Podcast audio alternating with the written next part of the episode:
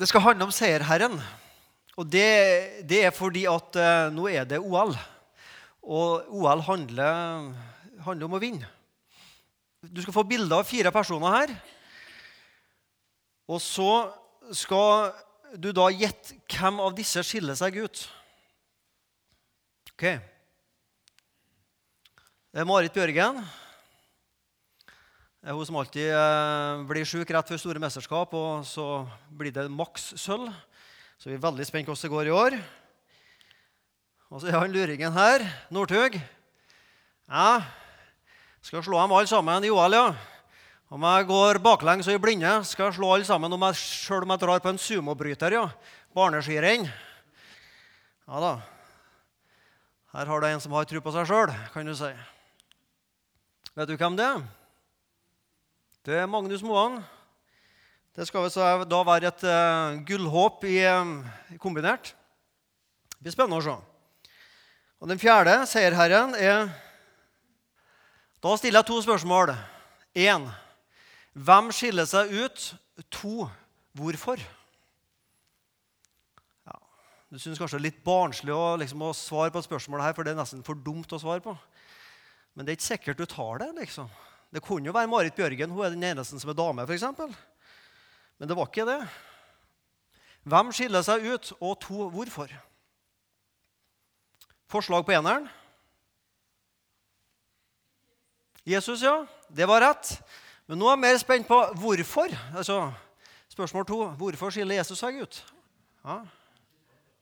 Riktig. Det er svaret. Han er ikke trønder. Resten er trøndere. Han ikke heller med vinter-OL. Men alle fire her er seierherrer. Men på helt forskjellige måter. Og det er ingen bombe at han vi skal snakke om i dag, det er Jesus. Den viktigste seierherren. Kolosserne 2, vers 13-15. Men han gjorde dere levende sammen med Kristus da han tilga oss alle våre misgjerninger Gjeldsbrevet mot oss slettet han, det som var skrevet med lovbud. Han tok det bort fra oss da han naglet det på korset. Han kledde maktene og åndskreftene nakne og stilte dem fram til spott og spe da han viste seg som deres seierherre på korset. Ordet 'seier' det møter du ganske mange ganger i Bibelen. Jeg har ikke telt opp, men de som har telt, mener at det står i alle fall 50 ganger i Bibelen. Av og til da satt sammen som f.eks. ordet 'seierspris'. Men kun én gang så møter du begrepet, eller da ordparet 'seier Herre'. Og det er her. Jesus Kristus som vår seierherre. Og Hvis du nå tenker på påske og tenker på de to store hendelsene i påske, altså langfredag, korsdøden, og oppstandelse av første påskedag. Og så prøver vi på en måte å smake på disse to ordene, kors og langfredag. Første påskedag, oppstandelse. Og så kan du tenke på hva forbinder du med disse to ordene, to dagene? Hva slags følelser får vi? Da tror jeg mange av oss når vi tenker på langfredag, naturlig tenker på død. Første påskedag liv. Langfredag tap. Første påskedag seier. Langfredag mørke. Ja, det står jo det at fra klokka tolv til klokka fem Nei, fra klokka tolv på formiddagen til tre på ettermiddagen så var det stummende mørke over landet. Første påskedag sola, lyset. Langfredag sorg. Første påskedag glede. Langfredag håpløshet. Første påskedag håp. Og Du blir litt sånn, noe sånn pessimistisk kanskje på en måte. Det blir litt sånn tungt og nedtrykt over langfredag, mens første påskedag løfter oss opp. Og Så kan du gå for til sangboka og se på de sangene som er skrevet om langfredag og første påskedag. Hovedsaken av sangene om langfredag de går gjerne i moll. Men jeg skal betale deg godt hvis du finner en første påskedagssang som går i moll. jeg har ikke funnet. Kan godt hende det fins. Skal betale deg ei kron, for det kan hende det fins.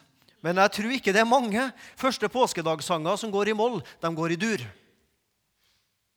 Sånn kan vi på en måte si at det er noe tungt over mørkt over langfredag, og noe optimistisk, positivt, seiersrikt over første påskedag. Jo, men det er ikke hele sannheten. For også i langfredag så er det en seier. For det som Paulus snakker om her, det er om langfredag. Ikke sant? Da han naglet det til korset, så viste han seg som seierherre. Men han, Jesus, gjorde dere levende, eller Gud gjorde dere levende sammen med Kristus da han tilga oss våre misgjerninger. Jesus som seierherre, han som tilgir oss våre misgjerninger. Gjeldsbrevet, det vet vi hva det er, vi som har gjerne husbanklån eller lån på bil eller andre ting i en bank. Da har du et gjeldsbrev der det står 'så og så mye skylder du'. Og så betaler du ned på det. ikke sant? Og vi har et gjeldsbrev overfor Gud. Synda har skapt ei gjeld som må betales. Og denne gjelda tok Jesus Kristus bort ved å nagle den til korset. Og så var på en måte gjelda sletta ut. Han vant en seier over gjelda. I versene før her hos kolosserne så snakkes det om eh, dåpen, å bli begravd, at synda blir begravd, og vi blir oppreist et nytt liv. Det snakkes om tilgivelse og synd og overtredelse og misgjerning. Og så snakkes det om hva var det som skjedde på korset. Hva skjedde da Jesus Kristus døde?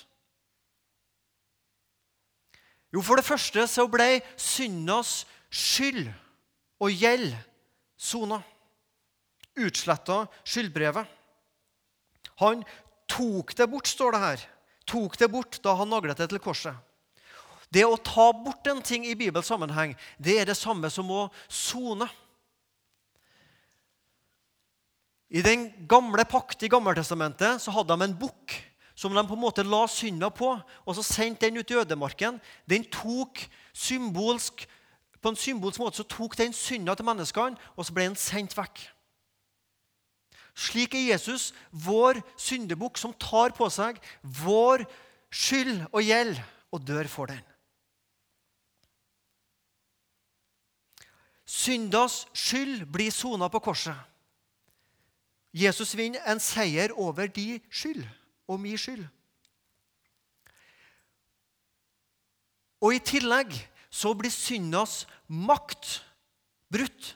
For synd er ikke bare ei skyld. Synd er også ei makt i våre liv. Og i og med langfredag så blir syndas makt brutt. Her står det om at han avkledde maktene og åndskreftene nakne og stilte dem fram til spott og spe. Det var et rart uttrykk. Avvæpner og stille nakne fram. Litt sånn original måte å si det på. Dette er på en måte et billedspråk fra krigen. Der, når man tok krigsfanger, så var det på en måte å vise deres nederlag, så avkledde man dem, sånn at de på en måte ble stilt nakne fram og ydmyka. Og slik på en måte, I og med korsdøden så klær Jesus av den onde og alt i verden som strider mot Kristus, og sier dere har tapt. Og så har vi vunnet ved det. Syndas skyld er sona, og syndas makt er brutt. Og det er ikke noe vi alltid ser. For du og jeg vi kjenner av og til på det. Ikke bare av og til. Jeg kjenner det ganske ofte at jeg synes jeg kjenner til denne syndens makt i livet mitt som lokker meg til det ene og det andre. Og så skal jeg vite også den makta har Jesus brutt. Jeg er på seierspartiet. Og så kan jeg og du ikke bare kan, men vi lider ukentlig, ja daglig nederlag overfor synda. Vi feller i synd. Og så, åh, så ble jeg så skuffa over meg sjøl igjen. Men så har Jesus tilgitt den skylda som jeg får for Gud ved å synde, og så er også makta brutt. Så kan, så kan synda vinne enkeltslag, enkeltkamper, men det store slaget har Jesus vunnet. Syndas skyld er sona, syndas makt er brutt. I morgen er det fastelavnssøndag. Fastelavn. Fastelabend på tysk. Kvelden før faste. Nå starter vi på 40 dagers vandring fram mot påske. På tirsdag er det lærte, Mor mi lærte meg da jeg var liten, det heter feitetirsdag. Jeg har ligget i hardtrening til den. I flere dager så har jeg liksom, jeg holder på å syke meg opp til feitetirsdag. Skal fylle på godt, da. Jeg har fylt på godt tidligere i dag òg. Har vært i sånn morsdag. Og så på onsdag er det askeonsdag. Det skjønner du ut fra begrepet hva som ligger der. Og så går vi inn i fastetida. Jeg har laga meg en fast tradisjon. og jeg vet Dette har jeg sagt her før, og kommer sikkert til å si det igjen. Men jeg har ei bok som jeg følger eh, hver dag til, fra fasen starter og fram til påska. Det har jeg gjort i flere år nå. Nå ser ikke du hva den heter, siden den er helt blå, men der står det 'Fredrik Wisløff med ham til Golgata'. Jeg skal lese litt fra den boka. Han sier det på en veldig god måte. Han snakker om Golgata. Et av disse kapitlene heter rett og slett Golgata. Og så sier Fredrik Wisløff om Golgata, og det på en måte sier litt om hva som skjedde denne dagen. Golgata sier er helvetes triumf. Her er det slangen sårer kvinnens sæd, sårer og dreper. Her er det synden når høydepunktet. Her er det hatet seirer over kjærligheten. Her er det syndere dreper den hellige. Men Golgata er også helvetes nederlag. Da Jesus dør, er det ikke bare jorden som ryster i jordskjelv. Helvete skjelver under dødshugget. Visst sårer slangen kvinnens sæd, men dens eget hode blir derved knust. På Golgata når kjærligheten sitt høydepunkt og seirer over hatet, nettopp ved å gi seg hen. Her blir den hellige gjort til synd, men frukten er den at syndere ved det kan gjøres hellige. Visst var korset forbannelsen, men da Guds sønn døde korsdøden, tok han forbannelsen bort fra synderen. Han såret, jeg leget. Han forbannet, jeg fri fordømmelsen. Han gjort til synd, jeg hellig i ham. Han Golgata skru, jeg Golgata seier. Så er Golgata ikke lenger noe urent sted. Nei, det er det helligste sted på jorden. Det har ikke lenger dødens uhygge. Det er mitt seierssted, min kjæreste tilflukt. Vi har mange flotte Golgata-sanger. Golgata var egentlig et forferdelig sted, et urent sted, der de dødsdømte forbryterne måtte dø. Men for oss så har det blitt seiersstedet. Der viste Jesus seg som seierherren. Jesus, seierherren på korset. Så er det et flott maleri der. Det er Odd Dubland. Lovet være Gud og nå er det Jesus som seierherre i oppstandelsen. 1. Peter 1,3-9. Lovet være Gud, vår Herre Jesu Kristi Far, Han som i sin rike miskunn har født oss på ny til et levende håp ved Jesu Kristi oppstandelse fra de døde. Til en arv som aldri forgår, aldri skitnes til og aldri visner. Den er gjemt i himmelen for dere, dere som i Guds kraft blir bevart ved tro, så dere når fram til frelsen. Frelsen ligger alt ferdig til å bli åpenbart ved tidens ende. Dette er et flott vers, et sterkt vers om Jesu Kristi oppstandelse. Lovet være Gud, vår Herre Jesu Kristi Far. Hver gang vi har dåp her i Misjonssalen, så leser vi dette verset. Og hver gang vi legger et menneske i jorda, så sier pressen ute på kirkegården også de samme ordene. Det er et av de første ordene vi får over oss når vi er små, og det er det siste bibelordet som blir lest over oss. Jesus, seierherren i oppstandelsen. Fordi det var mange som døde på korset. I løpet av de 800 åra romerne korsfesta folk, så var det 600 000 som ble spikra på korset. Jesu korsdød var ikke noe veldig sånn spesielt i forhold til mange andre. Det var ikke Jesu korsdød i utgangspunktet, sånn ytre sett. Men hva var det som skiller Jesus ut fra de 599 999 andre? Det var bare han som sto opp igjen. 600 000 spikra til kors. Kun én sto opp igjen. Oppstandelsen er beviset på Jesus seier over syndas skyld, over syndas makt, over Jesus seier over døden, Jesus seier over Guds vrede og Jesus seier over djevelens anklager og makt. Så sier disse versene noe om konsekvensen for deg og meg av Jesu korsdød og Jesu oppstandelse. Vi er gjenfødt, altså vi har fått et nytt liv, et nytt forhold til Gud. Vi har fått et levende håp. Ikke bare et tomt og dødt håp. Det er et levende håp for livet her og nå og for det evige liv. Vi har fått en arv, ren og uforgjengelig skatt i himmelen, og vi har fått en evig frelse. Derfor, og nå kommer følgen for deg og meg ved at Jesus er seierherre på korset og i oppstandelsen. Derfor kan dere juble av glede, selv om dere nå en kort tid, om så må være, har det tungt i mange slags prøvelser. Slik blir troen deres prøvet. Selv forgjengelig gull blir prøvet i ild. Troen, som er mye mer verdt, må også prøves, så den kan bli til pris og herlighet og ære for dere når Jesus Kristus åpenbarer seg. Han elsker dere enda dere ikke har sett ham. Han tror dere på enda dere nå ikke ser ham. Og dere jubler og er fylt av en glede så herlig at den ikke kan rommes i ord. For dere når troens mål, frelse for deres sjeler. Her står det en del om konsekvensene for deg og meg som kristne av at Jesus er stått opp. Det står om å glede og juble seg. Nei, ikke å juble seg, men å juble av glede. Å glede seg og juble av glede. Usigelig og herliggjort glede står det om. Det står om å ha en prøve av tro, og det står om å ha et kjærlighetsforhold til Jesus Kristus. Han elsker dere. Vi skal se litt på det her med glede. Salme 118, vers 15. Hør, jubel og seiersrop lyder i de rettferdiges telt. Herrens høyre hånd gjør storverk. Det er mye seiersrop nå når det er OL, ikke det? Det har vært veldig stilt i den norske leiren til nå. Men bare vent til Peter Northug og gjengen kommer, så blir det. Så, så spør jeg meg sjøl hva er det som preger meg som en kristen? Eller for å spørre på en annen måte hva er det andre folk tenker om meg som kristen og deg som kristen? Hør, jubel og seiersrop lyder i de rettferdige stelt. Når den som ikke bekjenner trua på Jesus, ser på deg som kaller deg kristen, tenker de da at hør, det, det er noe ved livet Se, det er noe ved livet. Hør, det er noe med måten de lever på, med ordene deres, som vitner om seier og jubelrop. Hører folk det av ditt liv og mitt liv? Jeg har to baller her. To fotballer. Satt på tur inn hit, og så hørte jeg, eh, hadde jeg med meg CD-ene fra generalforsamlinga i sommer. Hørte Åge Ågedal. tenkte jeg, Det var en god idé som han hadde på eh, generalforsamlinga. Skal ta den her i kveld. Han snakka om to baller, om Guds gjensvar. Denne ballen de ser litt like ut på lang avstand. Det skjer forskjellige ting med dem. Den er det respons. Det skjer noe når du slipper den.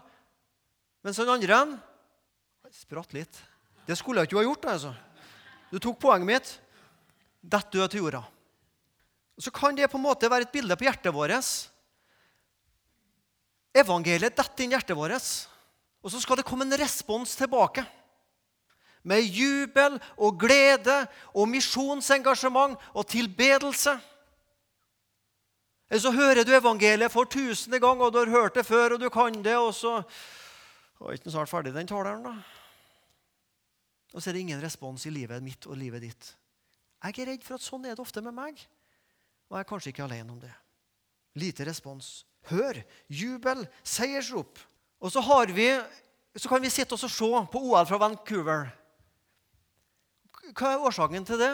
Jo, det er noen fotokamera, eller i hvert fall filmkamera, TV-kamera heter det visst, ute i skauen som tar noen bilder og film, og så sender det på noen som paraboler, og så kommer det ned i TV-en din.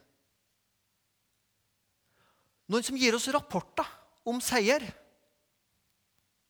Du trenger å fylle deg med det som gir deg rapporter om seier. Du trenger å fylle deg med Bibelen. Finn fram Bibelen din og les hva Jesus har gjort for deg. Og fyll deg med seiersrapporter om Jesus. Ta fram Utsyn eller en annen misjonsblad og les hva som skjer rundt omkring i verden der evangeliet går fram. Og så kjenner du ah, dette får jeg være en del av. Tenk det. De pengene som vi putter inn i kollektkåret her i Misjonssalen, de bønnene som vi ber for de misjonærene vi er med å sende ut, det er med å skape frukter der ute i Etiopia, i Mongolia og i Peru og de andre plassene. Og så får vi seiersrapporter tilbake når folk skriver på Internett eller i Utsyn eller hva det nå er. Og så leser vi det, og så blir vi glad. Det er viktig å fylle seg med seiersrapporter.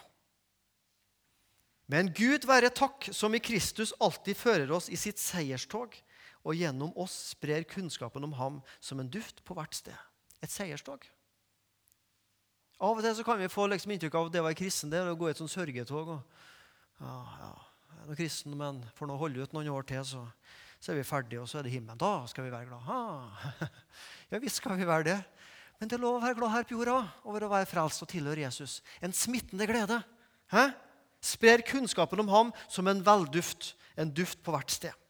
Og den som kjemper på idrettsbanen, får ikke seierskransen uten at han følger reglene. Vet dere ikke at de som løper på idrettsbanen, de løper alle, men bare én får seiersprisen?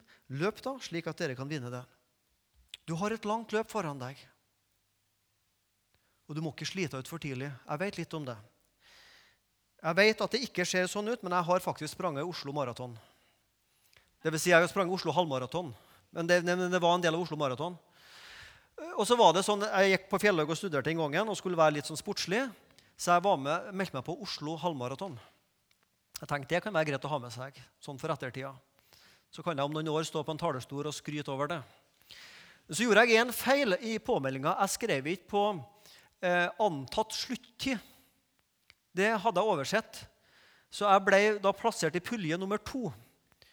Pulje nummer én det var altså uh, Bjørn Dæhlie, altså den kaliberen der. Og gruppe to var de, de som var nest best. Ha-ha, tenkte jeg.